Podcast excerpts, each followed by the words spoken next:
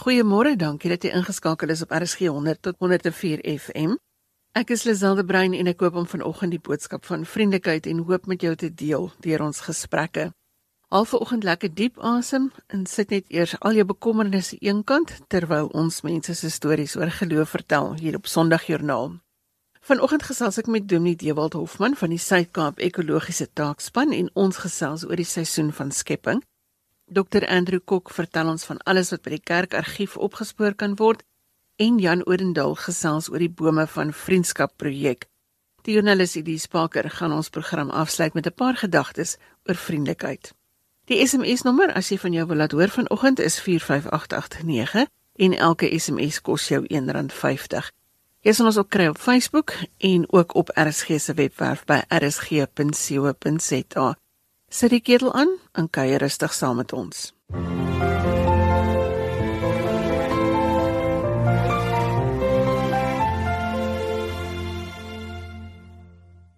Die kerkargief is 'n plek waar ek myself kan verloor in die stories van mense en gemeenskappe. En vanoggend sluit Dr Andrew Kok by ons aan om te vertel wat alles by die kerkargief op Stellenbosch te vind is. Andrew is die bestuurder van die NG Kerk in Suid-Afrika se kerkargief. Goeiemôre Andrew. Goeiemôre Lisel. Vertel ons van jou werkomgewing. Lisel soos enige organisasie sy rekords bestuur, moet die kerk ook sy rekords bestuur. Maar kerkargief is ietsie meer as net 'n plek vir rekords. Ons argief vertel die storie van hoe God werk met sy gemeentes en met sy mense. So binne ons argief kry ons nie net dan die gewone sinodale en gemeentedokumente nie. Maar dit vertel vir ons die stories van hoe God oor eeue met ons gemeentelede en met ons gemeenskappe gewerk het. En as jy nou daar kom grawe en krap soos jy nou weet, dan kom daar wonderlike stories uit wat ons vertel uh wat is daar gedoen? Hoe was ons betrokke en wat het ons vir gemeenskappe gedoen en wat het ons vir ons lidmate gedoen? So aan die een kant het ons dan hierdie amptelike dokumente, maar ons het ook stories oor mense. En die historiese ekonom professor Johan Fourie sê eintlik dat ons argief gee vir mense 'n sense of belonging. Want in hierdie dokumente wat ons daar het, vertel ons eintlik ietsie van wie jy is. Waar kom jy vandaan? Wat se werk het jy gedoen? Wie was jou ouers? Wie was jou kinders? Uh hoe was jy betrokke in jou gemeenskap? En dis wonderlike stories. Nou ons versamelings is nie net beperk daartoe nie. Omdat die kerk sy voelers eintlik op baie gebiede in die samelewing het, het ons byvoorbeeld al die dokumente oor ouerhuise, kinderhuise, uh Padisa, ja, skool vir blindes, skool vir dowes, ons opleidingsinstansies soos die Genote College, uh die kweekskole by universiteite. En dan het ons 'n groot versameling van fotos. Uh so ons het so 12000 fotos van mense en gebeurtenisse en so. 'n Ander belangrike versameling is ons privaat versamelings. Oor jare het ons verskillende persoonlikhede se versamelings geërf om te bewaar. Nou 'n goeie voorbeeld hiervan is die versameling van Dr. Andrew Murray. Dit is 65 argiefboksies vol inligting. Nou hy was 'n vreeslike ywerige skrywer en hy het vir die uitgebreide Murray familie wat oral in die sendingveld was, het hy stories geskryf en hulle het vir hom teruggeskryf.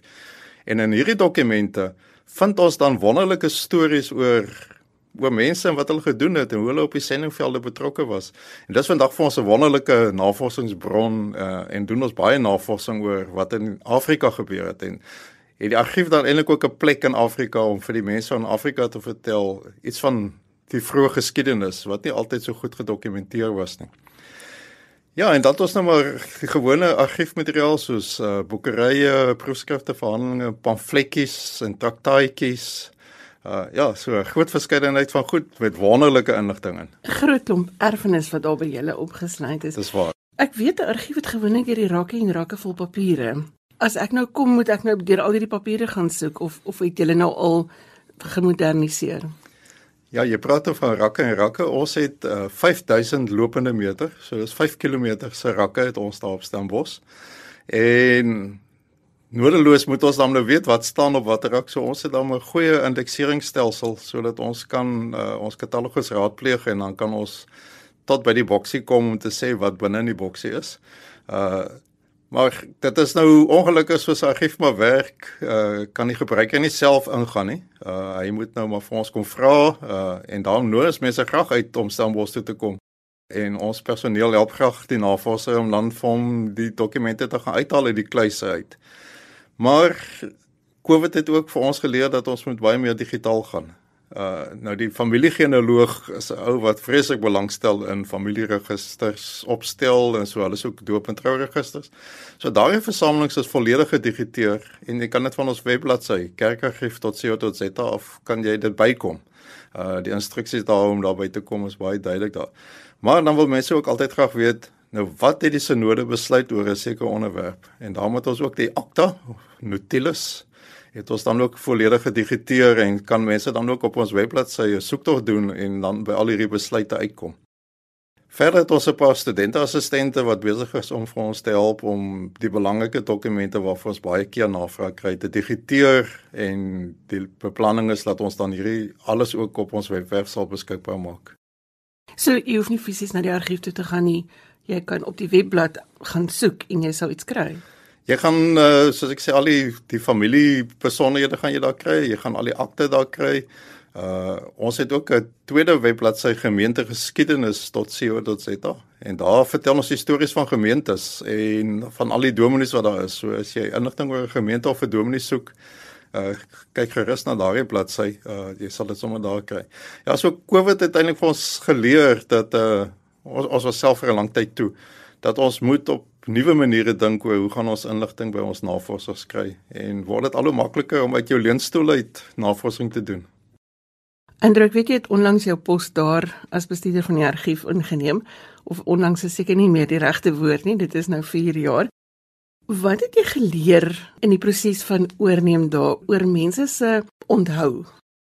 Dis al ek dink baie keer uh, argief word deur mense daar buite gesien as die donker dungeons waar ons alles net wegsluit Ek dink wat ons in die laaste 4 jaar juis bereik het was om oop te maak, uh om versamelings beskikbaar te maak en mense in te nooi om te sê, "Maar kom kyk, ons het hierdie wonderlike versamelings." En ek is elke keer verras dat ons kry wêreldwyd navraag uh van verskillende mense oor verskillende onderwerpe. En dan besef jy eintlik maar net weer dat kerk is nie die gebou van jou gemeente nie, maar dit is baie wyeer en dit het sy vingers en sy wortels op baie diep plekke. Ek het iewers gelees jy kry ook baie navrae oor kerkgeboue, oor die planne van kerke is daai tipe van goederes ook opgeneem. Ja, ons het 'n versameling van kaarte en planne. Dit is nie 'n baie groot versameling nie. Uh gemeentes moet ongelukkig maar die goed meestal by hulle gemeentes hou want die munisipaliteit het altyd 'n vraag oor as jy iets wou verander of aanbou of so.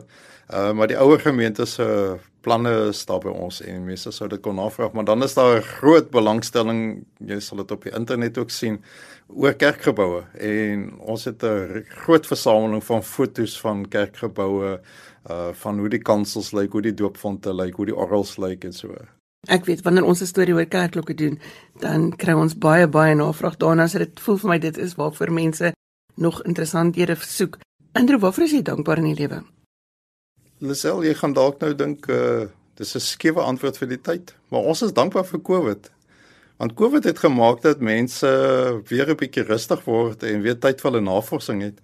En dit het vir ons die geleentheid gegee om ons bronne weer aan navorsers bekend te stel en dit vir hulle die geleentheid te gee om dit van hulle huis af te kan bykom. Uh maar ek is dankbaar daarvoor dat ons juis aan ons kerklike bronne kan sien dat God nooit sy mense laat staan nie. Ons kan deur al die epidemies en al die oorloë sien dat hoe sleg dit ook al gegaan het, die kerk was altyd daar. Die kerk het gesorg om ondersteuning te gee en God sorg vir sy mense en daarvoor is ons dankbaar. En ons sien dit weer eens in hierdie tyd dat kerke nou uitreik na mense toe in steede van dat die mense net na die kerk toe kom. Dr. Andrew Kok is die bestuurder by die kerkargief in Stellenbosch. Ek weet nooit of ek moet sê Weskaap of algemeen nie. Is dit is 'n algemene kerkargief, nie? Ja, ons is ons het sewe vennote. Uh so dit is net die Vrystaat en Natal en Oostelike Sinode wat nog hulle eie argiewe het. Andrew baie dankie dat ons 'n bietjie kon gesels oor ons erfenis en al die erfenis wat al by julle opgesluit is. Baie dankie Lisel, dit was lekker om te gesels. Jy is ingeskakel op RSG 100 tot 104 FM. Ons bring stories met inspirasie, hoop en hopelik 'n bietjie vriendelike gemeenskapheid wat jou sal inspireer om dankbaar te wees. Gemaak gerus 'n draai op RSG se webblad by rsg.co.za as jy inligting oor ons program wil hê. Ons hoor graag van jou by 45889 teen R1.50 per SMS. Dalk het jy 'n besonderse storie uit die argiewe van jou onthou wat jy met ons wil deel.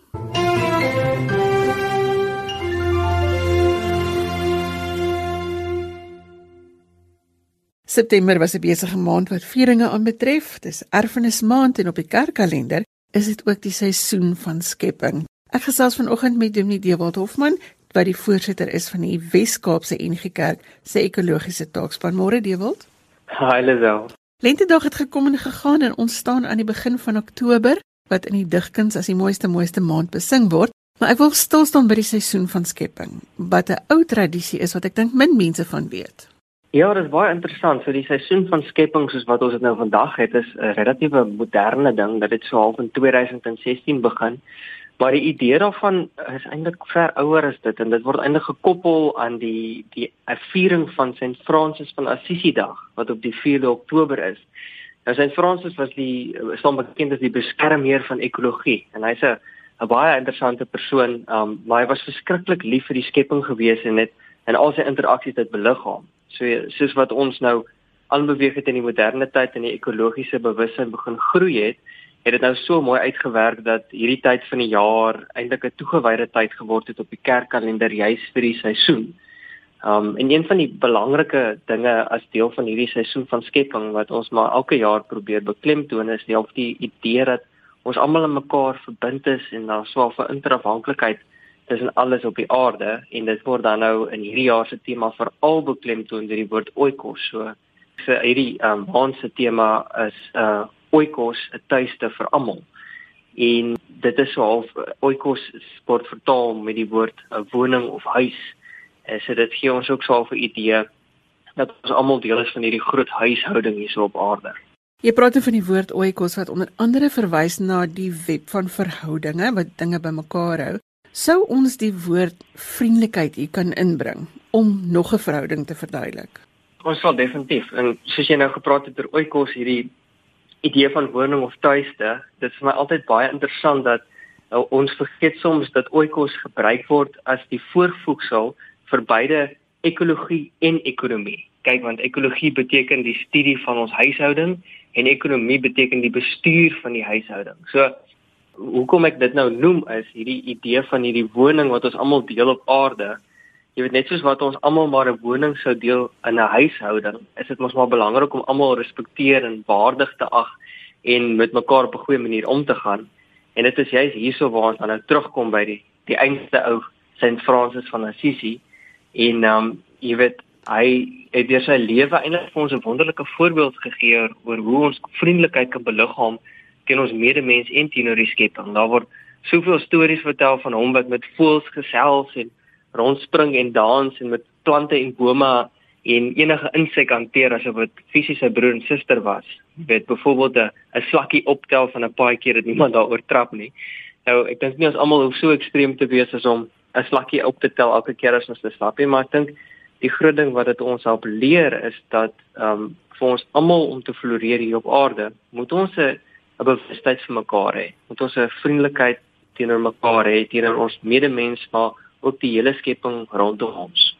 Dit laat my so 'n bietjie dink aan Abraham se tent wat 'n mens moet opslaan wat almal verwelkom dat dit 'n huis is dat almal welkom is onder jou dak. Nee. Wil, ek dink gasvryheid en dankbaarheid gaan dalk hand aan hand. Waarvoor is jy dankbaar en watter hoop is daar in hierdie seisoen van skepping? Ek dink ek is baie dankbaar dat die omgewingskrisis al hoe meer aandag geniet binne die kerk en buite die kerk. Daar's 'n klomp belangrike dinge wat aan die gang is in hierdie wêreld en een van dit is die ehm um, die verslag wat die VN onlangs uitgebring het. En ek dink wat my dankbaar maak is dat ons al hoe meer begin praat oor kwessies en dat dit al hoe meer aandag geniet en dit is baie belangrik dink ek vir ons toekoms en so gepraat van ons toekoms. Ek dink dis juist die ding wat my ook hoop gee is om te sien dat soveel jong mense besig is om by mekaar te kom en hulle stem te laat hoor oor ekologiese kwessies. Dit voel vir my daar's iets aan die gebeur. Um daar's 'n positiewe energie wat besig is om te kom van uit die jeug uit. En ek dink dit is juis hierdie energie en optimisme dat ons dinge kan verander, die besef van die erns van die kwessies wat ons in die gesig staar. Ek dink dis dis juis hierdie energie wat van die jong mense afkom wat dalk die deurslaggewende rol kan speel in ons planeet se toekoms. Want ons verhouding met ons omgewing en met die wêreld is een van die belangrikstes want dit is waar ons ons suurstof en ons wat wil ek sê ons energie vandaan kry. Ja, ek dink groot probleem wat ons het in ons moderne leefstyle is dat ons sukkel om soms die verbintenisse tussen dinge te sien. Ons vergeet soms ehm um, waar dit goed moet gaan om op ons tafel te kom. Ons jy weet ons ons ons kap baie maklik 'n boom af en maak iets daarvan wat abstrakt is soos 'n tafel of 'n of 'n stoel of 'n ding. Maar ons vergeet soms dat dit meer as dit is dit is 'n lewende ding wat ons gebruik. En selfs as die kos wat op ons tafels beland um, ons weet nie waar dit meer kom vandaan nie. Ons ons gaan na die winkel toe ons koop dit is mooi verpak sommer klaar gewas vir ons.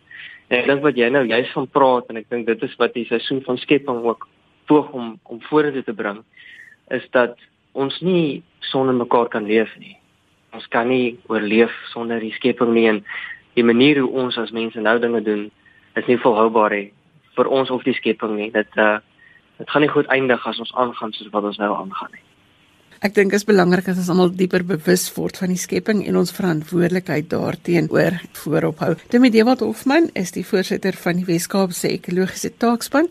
Dewald, baie dankie dat jy vanoggend so 'n bietjie met ons gesels het oor die seisoen van skepping.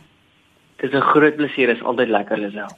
Ek groet jou vanuit Kaapstad. Jy luister na Sondagjoernaal en hier gesels ons oor dinge wat mense inspireer en ons soek al die positiewe stories waar geloof 'n verskil maak in gemeenskappe.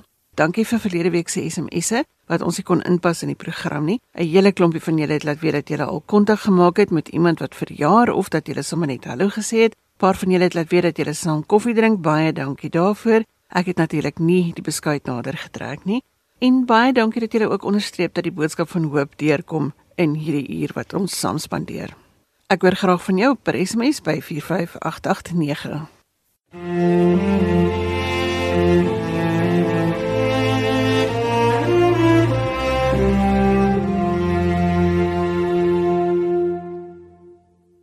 Jan Oudendal is van Green for Life en ons gesels vanoggend met die oop op erfenismaand oor hulle vriendskapsbome projek. Goeiemôre Jan.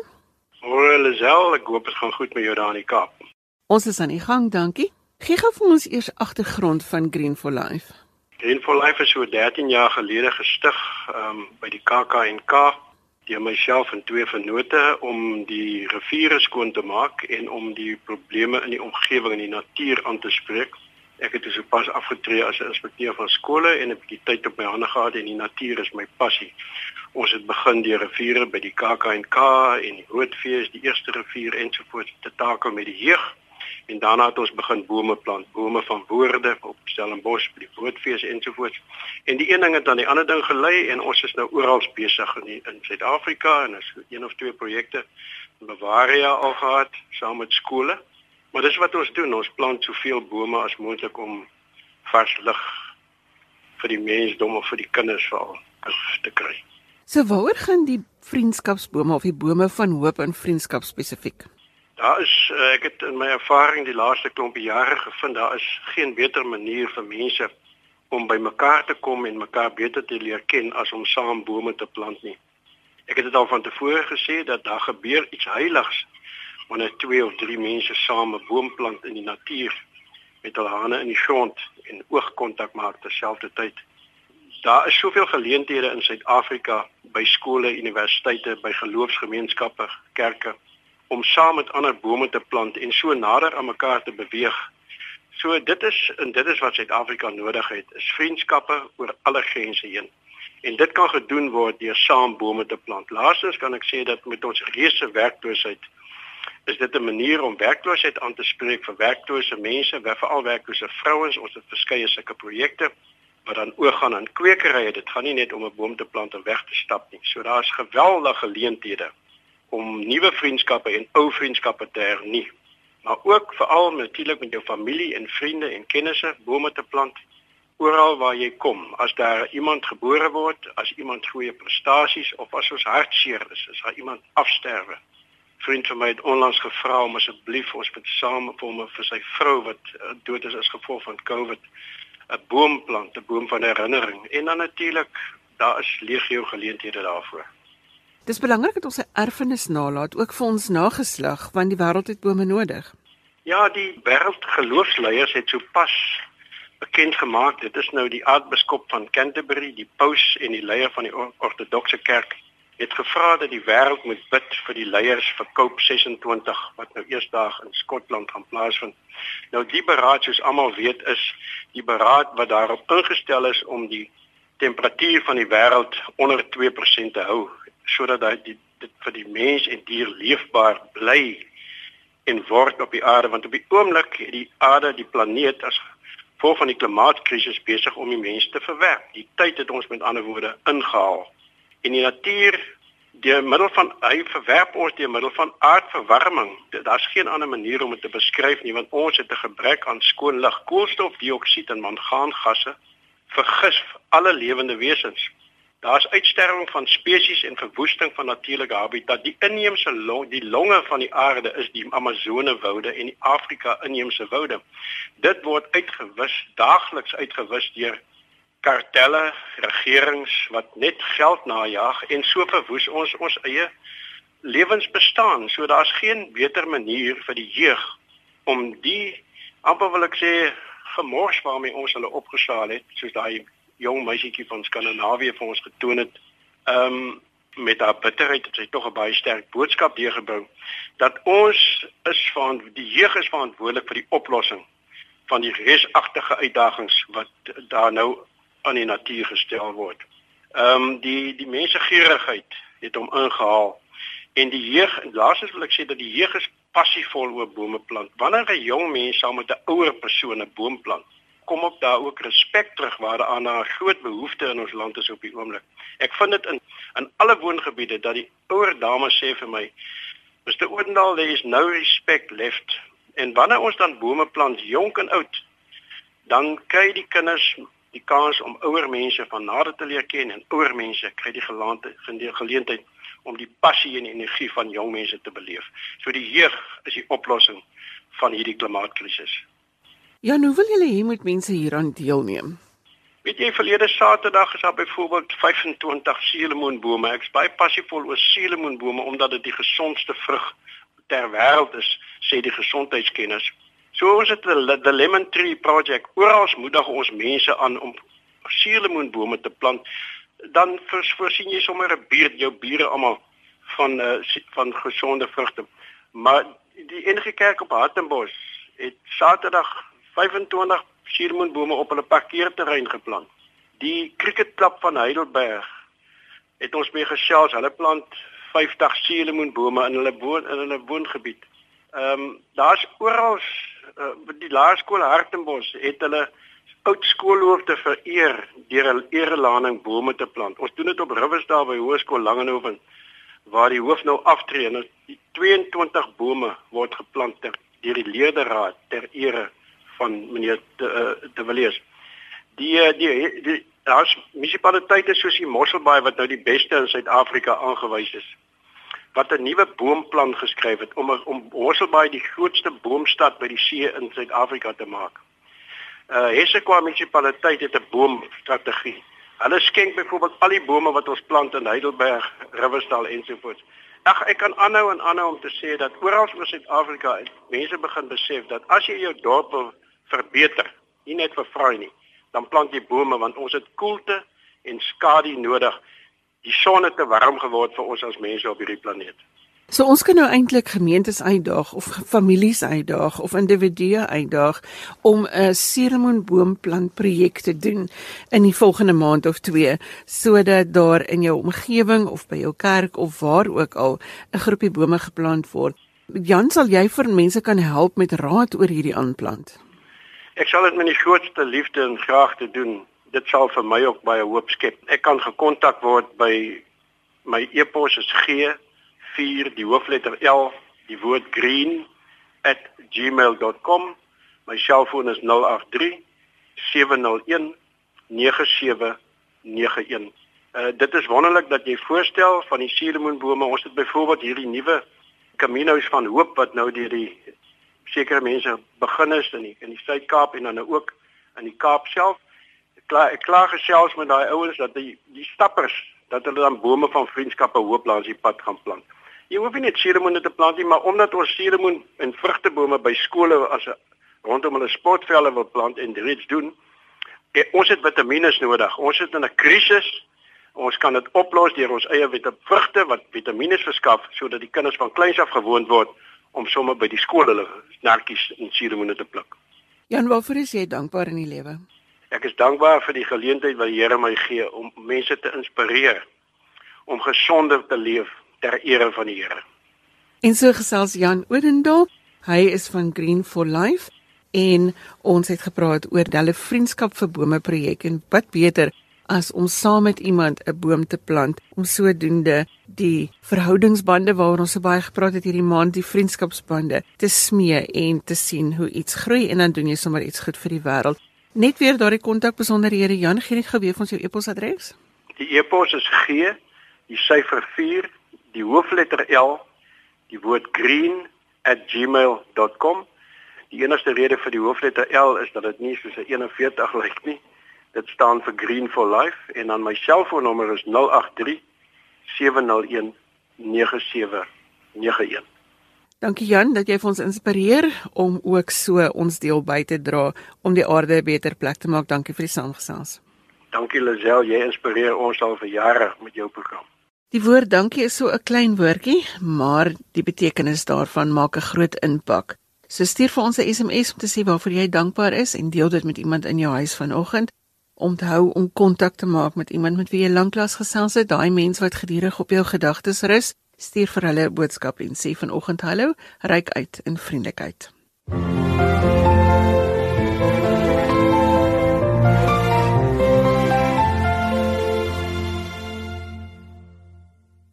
Elise Baker is joernalis en bekend as die troos tannie by 'n bekende tydskrif waar sy baie te doen kry met hoe verhoudings in mekaar steek. Maar vanoggend praat ek en sy oor vriendelikheid, want sy is een van die vriendelikste mense wat ek ken. Goeiemôre Elise. Môre môre Lisel en ja, hartlike goeiemôre aan almal wat luister. Elise is 'n nuusjoernalis, is dit min dat mense storie doen oor vriendelikheid. Die kans is veel groter dat jy oor moord en diefstal en korrupsie moet berig. So ek weet as ons oor vriendelikheid praat, dan is dit omdat beide van ons nou al oor hierdie onderwerp gedink het. Wat is die eienskappe van vriendelikheid? Weet jy al dat 'n ou pragtige Afrikaanse woord minsaamheid. En weet jy dis die basis van alle vriendelikheid, daai minsaamheid. Iemand wat nog steeds lief is vir die goeie dinge in die lewe, die mooi dinge in die lewe en dit wil deel. Dit wys op 'n sagtheid en hulle openhartigheid. Dit is daai mense wat opstaan in die oggend en hulle begin al beplan aan hulle glimlag.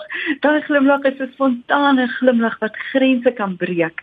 En dat die heel belangrikste ding, vriendelikheid gaan daaroor om nie oor jouself te praat nie. Jy's altyd op die ander gerig. Jy vra onmiddellik 'n vraag oor die ander een. Jy deel nie onmiddellik jou lewe en jou hele lewensverhaal nie. Jy neem nie alle mense onder kruise hoor nie, maar jy wil wel weet hoe gaan dit? En weet jy dit is 'n uitvraai. Nou nie net jou eie lewe nie, net daai lewe nie, maar die groter uitgebreide gesin. Luister, dit is vir my die petrol van vriendelikheid en dit laat alle wiele tussen mense aan die draai kom. Wat kan vriendelikheid in ons lewens innooi? gasvryheid myself die gawe van gasvryheid. En weet jy of nie soveel van ons wat daai gawe het nie maar die van ons wat hom het moet hom gebruik want ons kan net by mekaar daaroor leer. En dit is die ding maak die kring groter om mense te nooi na jou huis toe om mense om in te nooi. En nou met covid is dit net eenvoudig so moeilik om nog steeds hierdie gasvryheid hierdie groot gees wat ons het as as mense wat vriendelik wil wees. Dit is so moeilik in COVID tye, maar weet jy ons gaan nuwe maniere moet kan bedink hoe om nog steeds die kring groter te maak, mense in te sluit en dan baie belangrik om betekenisvolle verhoudings te kweek, want jy weet dit kan nie net by 'n glimlag stop nie. Dit kan nie net by die nuwe elmboog goed stop nie. Dit moet op verder kan gaan as dit en daar kom ons myself by betekenisvolle verhoudings. As ek dink aan vriendelike mense in die Bybel, natuurlik die eerste een wat ons opkom is die barmhartige Samaritaan. Dis mense wat 'n hand kan uitsteek en sê ek wil jou help. Hoe kan ek jou help? Ek dink die belangrike vraag wat ons moet vra is hoe maak 'n mens vriendelikheid eg? Dat dit 'n egte opregte vriendelikheid is. Warmte is al, jy weet, warmte is iets wat mense nie meer gebore word nie. Mens kan dit aanleer. En baie mense dink daar's mense wat spontaan warm is, maar weet jy, mens kan dit vir jou aanleer. Jy kan dit aanleer deur nie te dink. En die eerste manier wat mens nie kan dink oor warmte, warmte van die hart, is om af te sien van stereotypes. Om nie te dink dit is ons en dit is hulle nie, maar om te kan weet Ons is almal een en ons is almal gelyk in die Here. Jy aanvaar elke mens vir wie hy is. En dan is 'n baie belangrike ding. Ons moet weer stoepsitters word. Onthou jy koöperasie storie waar die ou drietjie so in 'n ry gesit het? Ons moet weer stoepsitters word. Ons moet leer om weer by mekaar te kan sit, om tyd te spandeer. En dan natuurlik baie belangrik.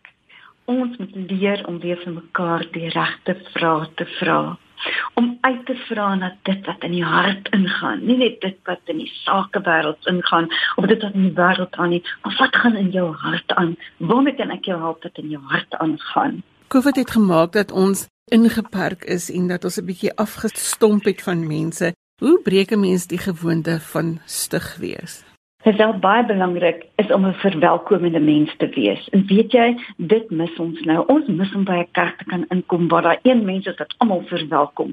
Maar ons hoef nie die gesindheid prys te gee om mense te verwelkom nie. Ons kan nog steeds by ons eie voordeur, by ons eie voorrekkie, kan nog steeds mense hartlik verwelkom. En dis waaroor dit gaan. Dit gaan daaroor om daai welkommaatjie uit te gooi vir almal.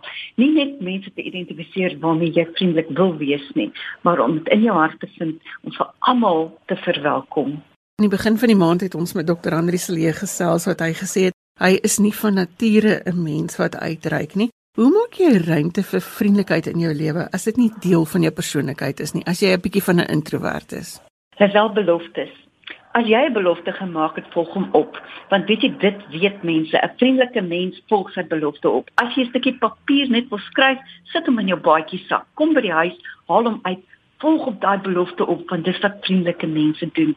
Stuur daai WhatsApp, stuur daai SMS. Ek glo jy is so getrou om dit vir ons te sê. En ons wil sommer vra daai WhatsApp wat jy wou gestuur het vanoggend en nog nie gestuur het nie. Nou is die tyd. Stuur hom. Maak 'n belofte op daai WhatsApp en kom na. 'n Ander ding is al wat baie belangrik is, nuwe mense om in te stap in 'n plek en te sien hier's 'n nuwe mens wat nie kan kommunikeer nie. Hier's 'n introvert. Om daai nuwe mense te gaan voorstel, om daai nuwe mense dinge oor die mense in die vertrek te vertel dat daar 'n aanknopingspunt is.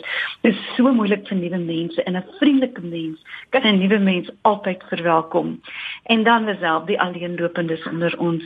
'n Stig mens kan miskien net aansluiting vind by 'n alleenlopende wat dalk nie so maklik kan gesels nie. En die twee mense wat nie so maklik kan gesels nie, kan dalk net saam 'n geselsie kan maak.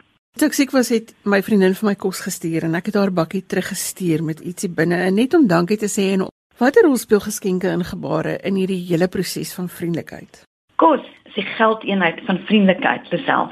En wat daar gedoen is is presies reg. Jy kom nie met leë hande by iemand aan nie en jy gaan ook nie 'n geskenk gee as jy dit nie kan doen met 'n volle hart nie. Want 'n leë gebaar eerlikwaar maak seerder en gaan meer onvriendelikheid aantoon. So wanneer jy ook net 'n gebaar maak, doen dit oop hart. Geskenke hoef nie duur te wees nie. Geskenke moet veral uit die hart uit kan kom daar waar dit tuis gemaak is. Maar ek sê dit steeds, kos is die geldeenheid van vriendelikheid. Dit wat jy kan maak, dit wat jy voor bekend is, gee dit aan. Daai tannie wat bekend is vir die plaatkoekies, ons onthou haar almal. Kry een ding waarvoor jy bekend is en sorg dat dit uit jou kombuis uitkom. Dit gaan uiteindelik die gebaar wees waarvoor jy onthou gaan word. Hier in die Kaap, ek weet nie of dit in die res van die land so is nie, neem ons deel aan 'n uh, klippies van hoop wat ons uitdeel. Jy verf hom en dan los jy hom by iemand. En ek wil nou vir jou vra, waarvoor is jy dankbaar? Want ek weet jy het so 'n klippie met die woord dankbaarheid opgekry.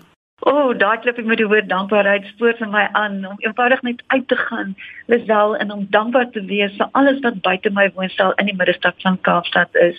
En dit is klein winkeltjies en dit is die kom van hierdie tuine en dan veral omdat ek net so paar blokke weg van die see is om na die oseaan te gaan kyk en te sien ver weg lê daar lande waar mens dalk eendag weer kan besoek om dankbaar te wees net vir dit wat die oë kan sien. En so gesels Elise Parker, sy is 'n nuusjoernalis. Dankie vir die saamgesels. Dankie Lisel.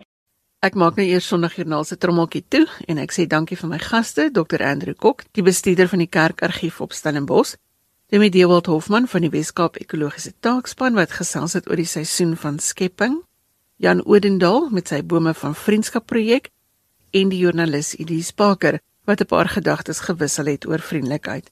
Sondagjoernaal is as 'n potgooi beskikbaar op die webwerf by rsg.co.za. Stuur vir my 'n e e-pos met jou kommentaar of as jy jou geloostorie met ons wil deel, my e-posadres is lazel@wwmedia.co.za. Tot volgende week groet ek met musiek. Moenie toelaat dat iemand jou bang maak met die winter terwyl die lente reeds oral in die lug is nie. En as jy wonder waaroor dit gaan, dis ons tema vir volgende week se program. Skakel in vir ons geselsie met Dr. Johan Pinaar.